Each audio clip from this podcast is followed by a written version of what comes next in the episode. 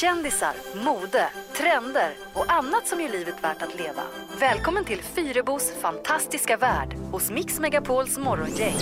Yes, och idag ska det handla lite om skönhets och fitnesstips och vi börjar med fitnesssidan här då. Vi måste ju träna våran kropp och har man då tröttnat på till exempel vanliga aerobic, step up, crossfit och så vidare så har nu då en ny spännande träningsform sett dagens ljus. Och just ljus handlar det om eh, när det, vi snackar om den här fitnessklassen då, närmare bestämt om ljussvärd eller om man vill lasersvärd. Äntligen. I, ja, i Singapore kan du nämligen gå med i The Saber Authority och då tränar man alltså med så kallade ljussablar. Det är martial arts fitnessklasser där du använder mycket fotarbete och så vidare och så har du då ett eh, Star Men Wars-svärd. det finns inga ljussablar.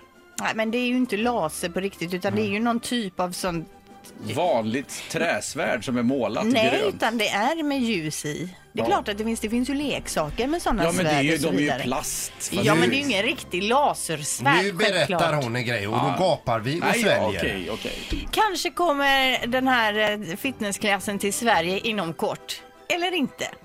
Det var lite för kroppen då. Ja. Nu för ansiktet här. Ansiktsmask det ska man ju nämligen göra ibland för att hålla hyn mjuk och ren och så. Jajamän. Och nu har då en ny Marvel-inspirerad japansk skönhetsmask lanserats. Två olika superhjältemasker finns att välja på. Den ena skönhetsmasken är röd med vita och blå stjärnor, det vill säga Captain America. Och den andra är röd och guldfärgad och vill då symbolisera Iron Man. Och kanske är detta något för dig Fredrik. Jag tar som- dem båda två. Ja, Ja. bra. 27 dollar, det vill säga 250 spänn får du de här maskerna för. Då. Visar du mig i nätet sen, eller på nätet? Inga vad man problem, beställer jag har så en ska jag- länk du bara kan följa hur lätt som helst. Vad roligt. Och till sist så handlar Måste det... man ta av sig maskerna?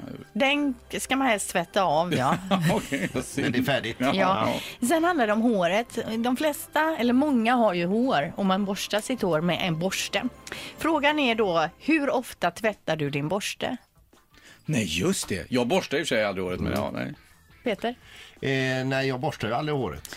Alltså du borstar inte heller håret? Nej. Men okej, hur som helst, om man nu borstar håret och använder borste så ska man ju tvätta den. För att varje gång du borstar håret så fastnar då massvis med skit, till exempel olja, bakterier, smuts, damm och annat då och samlas i botten på borsten. Nästa gång du tar borsten igen och borstar det så borstar du in det i håret igen. Så att om du vill hålla borsten fräsch så är det alltså en gång i veckan som gäller. Då schamponerar man borsten, lägger den med taggarna neråt, kanske på en handduk eller så, så den får tvätta. Ja. Och när jag läste det här då kände jag ju, när tvättade jag min borste senast? Typ aldrig. Jag vet inte ens om jag har tvättat någon borste någon gång i hela mitt liv. Nej. Så att det här ska ju hem och tvättas då. Men, men, men det vore kanske bra om de eh, uppfann sån där, någon borstångare. Att man lägger den så kommer det het ånga på borsten. Som ju rengör sig själv. Ja. Peter Sandahl, där har du det. Det får du jobba på lite. Jag skissar på det. Superbra. Ett poddtips från Podplay. I fallen jag aldrig glömmer djupdyker Hasse Aro i arbetet bakom några av Sveriges mest uppseendeväckande brottsutredningar.